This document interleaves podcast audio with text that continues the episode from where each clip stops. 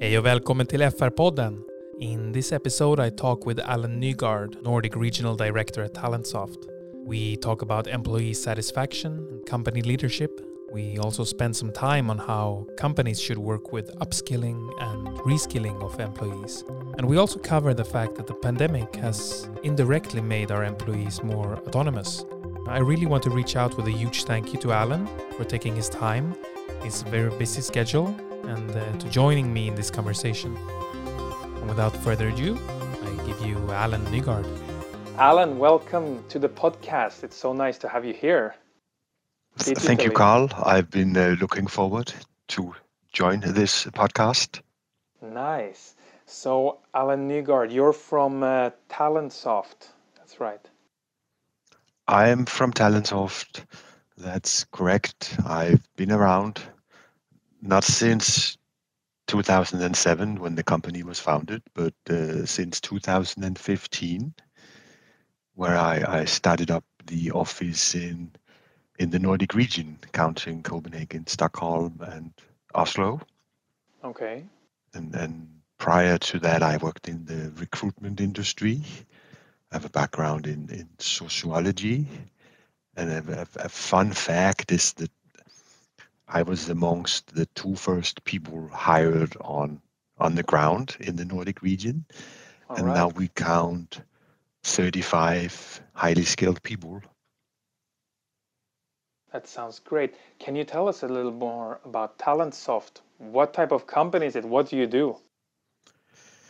Well, what what do we do? We focus on on HR software, or or also known as HRIS, and the ability of transforming your workforce, uh, varying from a typical ATS or applicant tracking system to performance reviews, to people calibration, to learning as a topic, to compensation and benefits, to analytics, and everything is is tied together into what we call the hub, which is our master data offering. Because what we've seen for a long time that in, in the Nordic, the, the master data part is the driving part in Yes. companies' processes of, of digitizing HR data. They, they start out with HR core data. All right. So your your uh, your product is it sort of a, uh, a collection of all these different uh, uh, things that you use in the recruitment, the ATS, the the, the like personality tests, or like the whole profiling of a candidate? That would be fully included in the recruitment module. But, but the, the, the seamlessly integrated HRIS suite also contains a performance review module, a, a talent review module. So a complete HR process tool going from, from, from cradle to grave. Mhm. meaning going from from sourcing of candidates to hiring or recruiting candidates to onboarding to performance to talent review we are here to to accelerate people's careers and to combine aspirations with opportunities meaning every single employee as of today has uh, aspirations looking for potentially a different or at least a slightly different job in the organization. And the organization is a kind of a machinery producing opportunities, conquering new markets, opening new business entities. And with Talentsoft or any other HRIS, I should add, or at least the, the good HRISs, you as a company should be able to place your competencies or your employees where they make the most value and where they excel the most, where they feel comfortable, and where they reskill and, and upskill their potential. Are you working with all types of clients, both smaller or bigger? It sounds like it's more for big companies in in my ears. It it could be, be perceived that way, Carl. I, I agree, but but out of the 2,500 customers of of Talentsoft, roughly a third of them are are below a thousand employees. So it depends on what we perceive or characterize as as small, medium, or, or enterprise. Then another third is between one and 5,000 employees.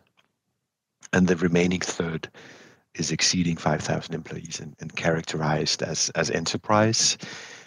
So a great, great prospect there. Um, I need to add also to, to your question that that we've been fairly successful in Denmark when it comes to the, the finance vertical or the finance segment. And why is that? We seem to have had a, a quite good track record with, with finance in Denmark, going from Sydbank, a fairly large bank in Denmark, to Jyske Bank, probably a well-known name to some of the, the Swedish listeners, to Nykredit, also one of the large banks in Denmark. And don't hesitate to reach out if we should further elaborate on, on why we've been so successful in Denmark. But Alan, before we get into today's talking points, I'd like you to, uh, just in general, who is Alan? That's a good question. I go to work every day in Copenhagen, Stockholm, or Oslo, and I'm I'm only fulfilled and fully satisfied when I have clients who feel almost the same. I'm I'm in my mid 40s. I I exercise and run a lot to cope with my surroundings and my my colleagues and, and my family. Um, I'm well known as a go-getter. I never give up. I, I want to find solutions. I think my my many years at university studying sociology gave me a natural interest into how organizations work. What makes your day going to work. I want to be on top of how my own organization are performing as a leader, as a regional director, to make sure the people that are, is, is on my payroll are not only delivering, having a good day, having a good job, having a good life. Lately, and that's maybe the last 10, 15, 20 years, we do also see tendencies here and there that private life kind of melts together with your professional life, which is sometimes a, a, a good thing and sometimes it, it's not a good thing. I think there's exactly. a reason why a lot of younger generations are are reported ill with, with stress sometimes. And, and, and I think that's a, a key topic for a manager or a leader to be aware of that now it's 4 p.m. or 5 p.m. or whatever, and I don't expect you to to answer emails during the evening. Lately, a new law was implemented in France, or it's a year ago, that as a manager, you are not allowed to email your employees after 7 p.m. Interesting, because you know, it's very good that you're getting into this uh, topic of how you're actually managing your staff. Because the reason we're on this call is that you made a survey uh, a couple of weeks ago talking about leadership and how employees perceive leadership in their organizations now well, during, after the pandemic. Can you tell us a little about your key findings there? Definitely, it was some, I would say, some very interesting findings. In, indeed, we just a bit of background. We we asked Swedish employees about how they have perceived the leadership during the pandemic. So, in the early stages of the pandemic, when when everything went ballistic and also at, at let's say the end of the pandemic if it if it has ended no, no one knows but the interesting part here is that we were also able to compare our findings to a survey we did just before the pandemic so it, it's a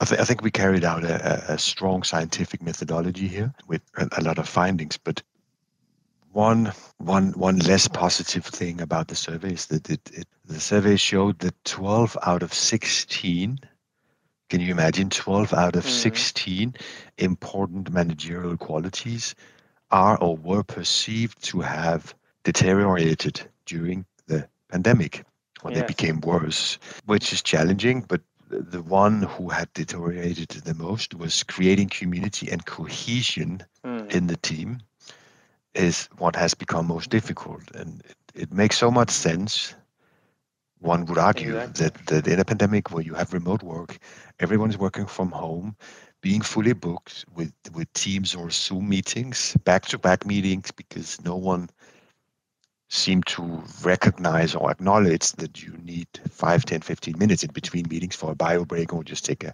walk or fresh air. So it it, it's not it, it's interesting, but but it's not that big a surprise that being able to create a community or, or sense of community and cohesion in the team was one of the qualities that leaders struggle the most with. Why do you think that it was difficult for the managers to to cope with this situation, like to this whole world of remote working? Why was this difficult for the managers? Did you did you spend any thought on that?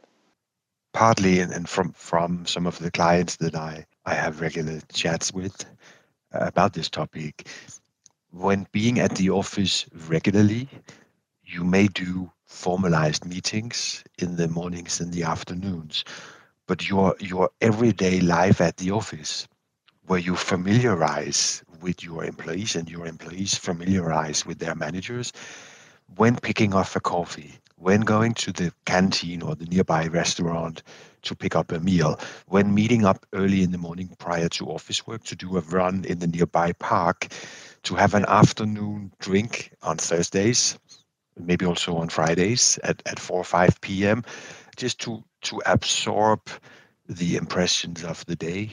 So going to the office is kind of a knitwear yeah. where, where everyone feels part of a, a bigger group or community.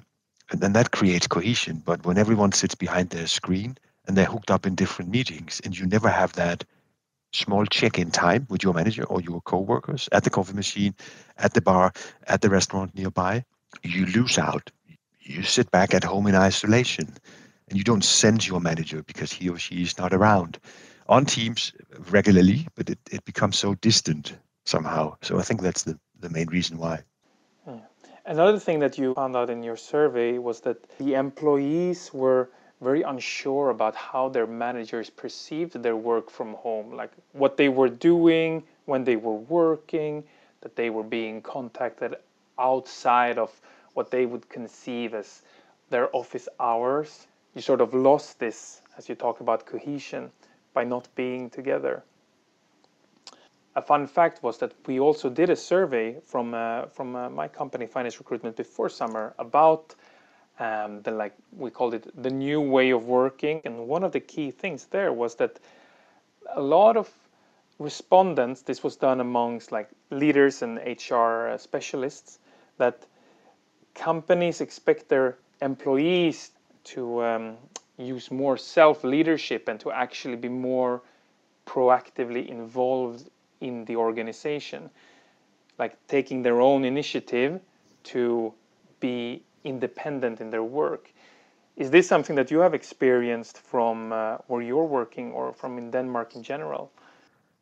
Definitely, because when not being at the office, no one will will, will take your hand and guide you and tell you you need to be part of this and this project.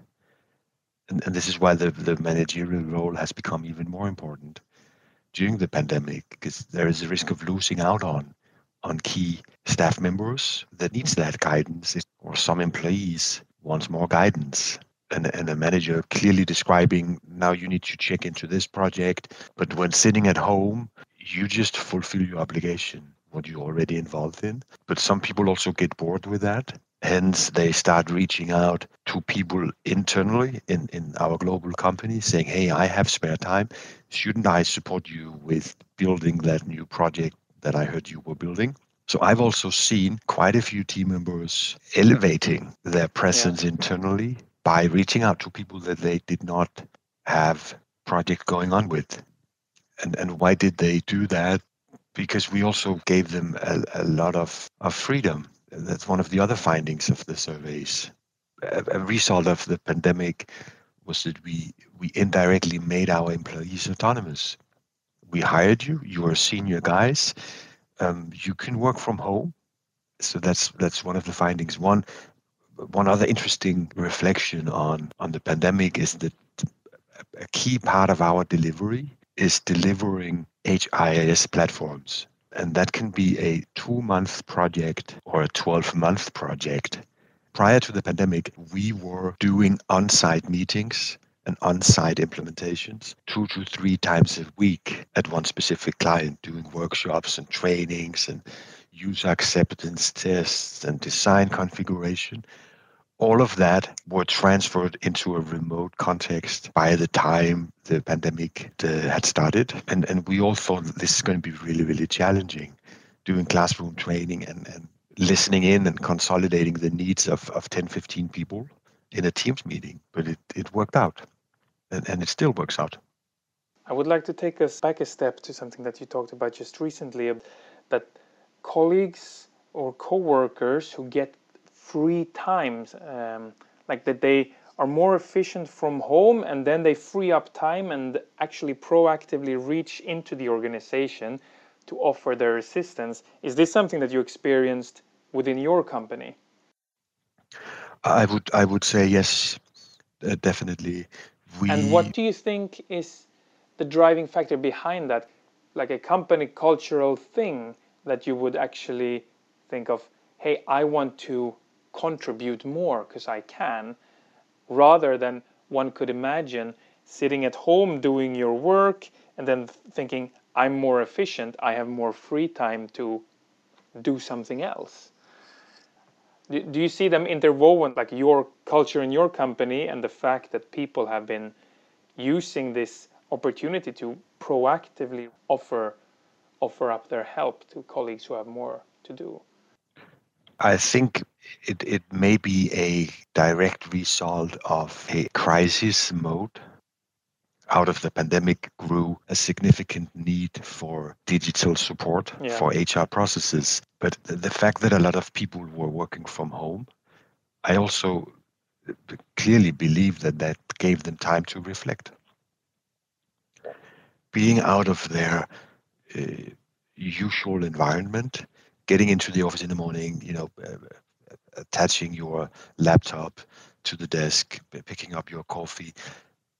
We all know that change fosters new ideas and, and potentially revolutions, meaning that once you need to cope with a new situation, some people find that hard, others excel in such a new environment and and find solutions to things that they have been thinking carefully about for decades.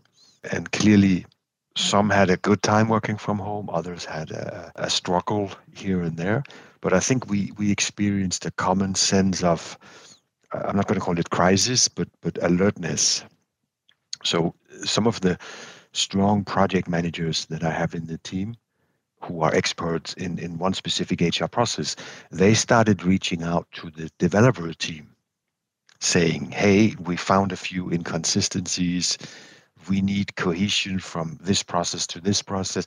Why don't we brainstorm and put on paper a wiser way of carrying out that process in the tool? And that has been the result. And, and we would not have done that to the same extent two years ago with more uh, don't quote me on this difficult when it's a podcast, but but no no silos. I mean, we've definitely fostered team collaboration and and people stepping into other people's teams or stepping in is such a harsh way of expressing it, but making everyone making themselves available.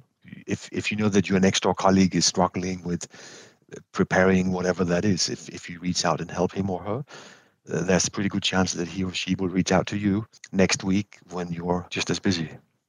I think it sounds wonderful that you've been able to foster that type of culture in your company. How do you work with the company culture in your in, in Talentsoft? Like, do you do something to proactively foster this mentality of thinking, or did it just come up during the pandemic? What do you think? It, it's been present since the early days of Talentsoft. We, we were founded by three very visionary French tech guys or HR tech guys. And starting that out in 2007 with, with a very visionary mindset around one should practice the HR discipline, that led to Talentsoft having a very open, transparent, supporting, collaborative culture where we, we act as a unified team. Lately, also during the pandemic, we carried out a, a large internal culture project in interviewing employees, managers, people with seniority, people without seniority, and, and we simply ask them, I mean, what's at stake here? Why do you why do you like working here? A, a simple a simple message as such grew out of that. Like team conversation is our currency. It needs to be a pleasant experience for talents of these to go to work and be bold, try out new things. Maybe not in front of a, a new customer, but mm-hmm. but try it out internally and see if it works. Be be courageous. So it, it really tied tied the people closely or strongly to the company.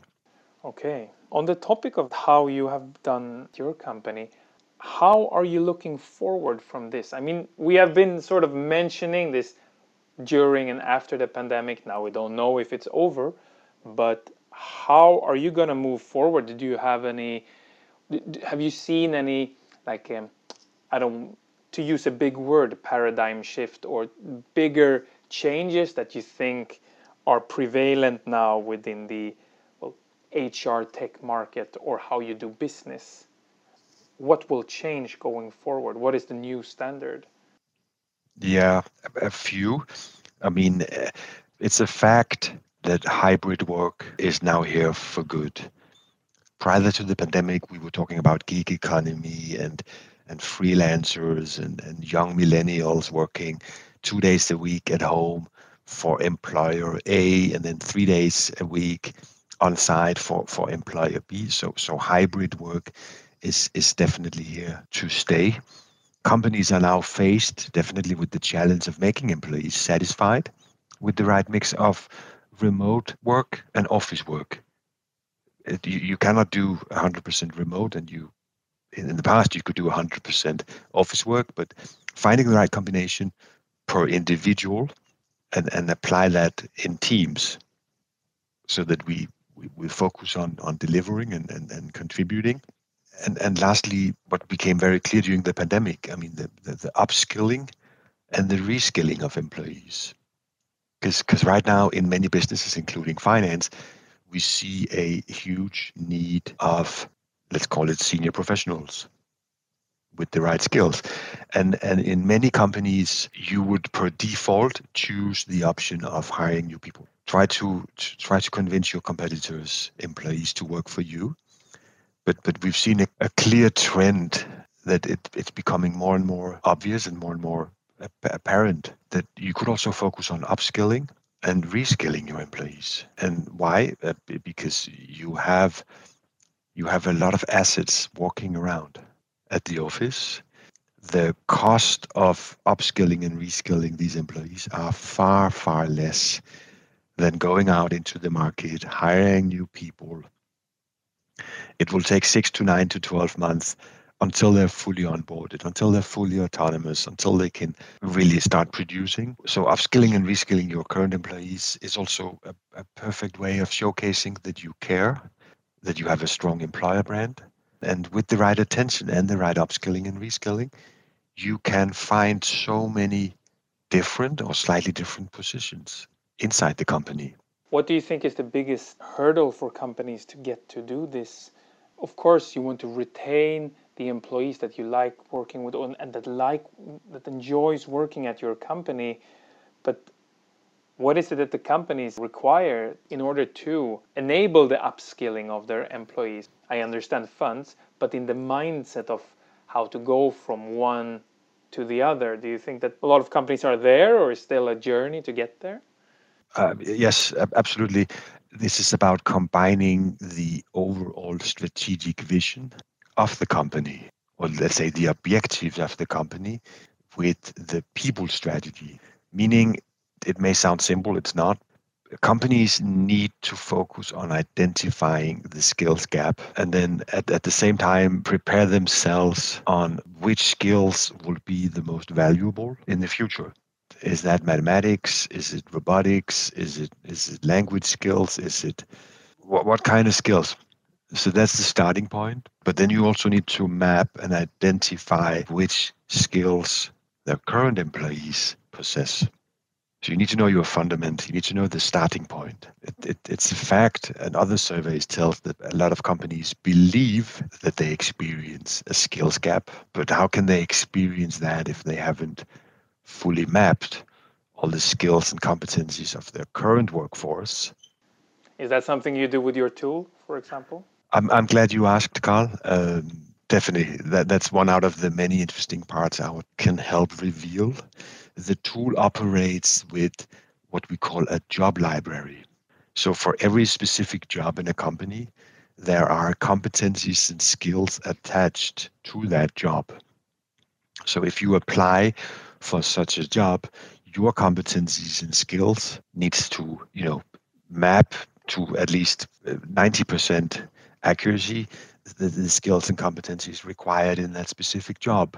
Exactly. But, but once we've mapped your skills and competencies and we know your aspirations, it's going to be way lot easier for us to combine your skills and competencies with the open positions that we also have in the job library. So the tool can simply compare your skills and competencies with the mm-hmm. skills and competencies required for such a job. And then if, if we simply know that you want to move to Malmö to, to start a new office, we would be able to tell with, with quite some predictability and accuracy whether or not that would be a successful move.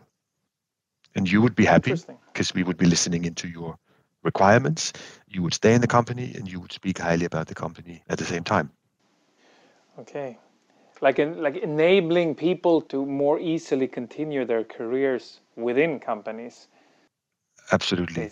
And should it be the case that we've studied and investigated whether or not you should make a job change within the company and we find out that right now what you want is simply not something we can accommodate then you would be you would feel acknowledged we, we made an effort you would maybe need to leave the company for a while, but you would have high thoughts and great memories of having worked for us.